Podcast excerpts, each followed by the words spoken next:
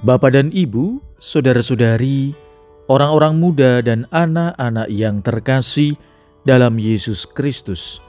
Selamat pagi, salam bahagia dan salam seroja untuk kita semua. Berkah dalam.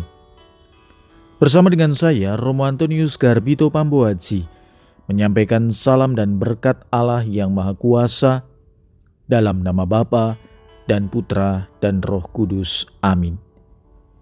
Hari ini Sabtu 5 Desember dalam pekan Advent pertama bertepatan dengan Sabtu pertama dalam bulan devosi mendoakan para calon imam dan para imam. Bacaan pertama dalam liturgi hari ini diambil dari kitab Yesaya bab 30 ayat 19 sampai dengan 21 dilanjutkan 23 sampai dengan 26. Bacaan Injil diambil dari Injil Matius bab 9 ayat 35 sampai dengan bab 10 ayat 1 ayat 6 sampai dengan 8. Sekali peristiwa, Yesus berkeliling ke semua kota dan desa. Ia mengajar dalam rumah-rumah ibadat dan mewartakan Injil kerajaan sorga serta melenyapkan segala penyakit dan kelemahan. Melihat orang banyak yang mengikutinya, tergeraklah hati Yesus oleh belas kasihan. Karena mereka lelah dan terlantar seperti domba yang tidak bergembala. Maka Yesus berkata kepada mereka, murid-muridnya, Tuayan memang banyak, tetapi pekerjanya sedikit. Maka mintalah kepada Tuhan yang empunya tuayan, supaya ia mengirimkan pekerja-pekerja untuk tuayan itu. Lalu Yesus memanggil kedua belas muridnya dan memberi mereka kuasa untuk mengusir roh-roh jahat dan untuk melenyapkan segala penyakit dan segala kelemahan. Yesus mengutus mereka dan berpesan, Pergilah kepada domba-domba yang hilang dari umat Israel. Pergilah dan wartakanlah kerajaan sorga sudah dekat. Sembuhkanlah orang sakit, bangkitkanlah orang mati, tahirkanlah orang kusta, usirlah setan-setan.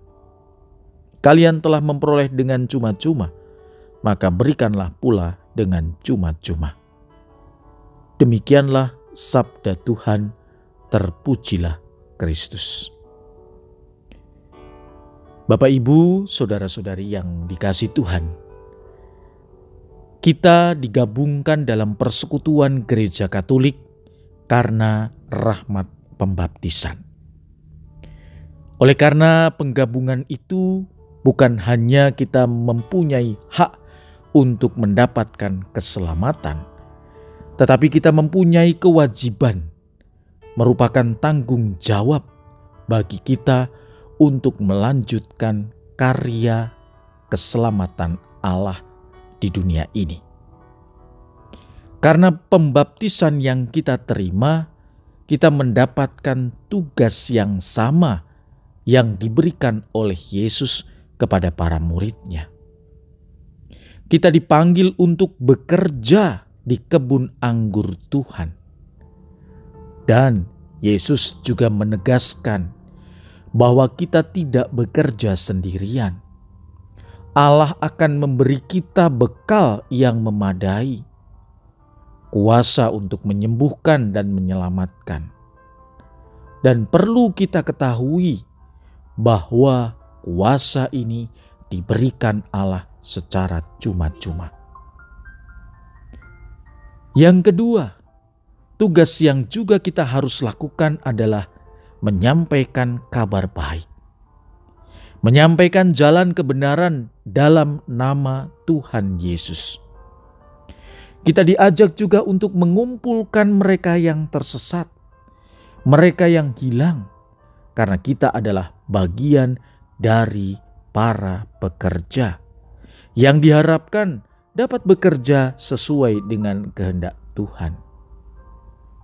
Saudara-saudari yang terkasih, tawaran menjadi pekerja bukan hanya tanggung jawab para imam atau mereka biarawan dan biarawati tetapi menjadi tanggung jawab kita bersama karena rahmat pembaptisan. Beranikah kita menjadi pribadi yang sungguh mau terpanggil ikut bekerja di kebun anggur Tuhan, agar keselamatan terjadi bukan hanya untuk kita masing-masing, tetapi untuk semakin banyak orang. Marilah kita berdoa. Allah, Bapa kami, kami bersyukur bahwa Engkau memberikan kesempatan kepada kami untuk melanjutkan karya keselamatanmu. Semoga Engkau memakai kami untuk terus mewartakan kebaikan, perbuatan-perbuatan baik Allah, sehingga semakin banyak orang diselamatkan. Berkat Allah yang Maha Kuasa, dalam nama Bapa dan Putra dan Roh Kudus. Amin.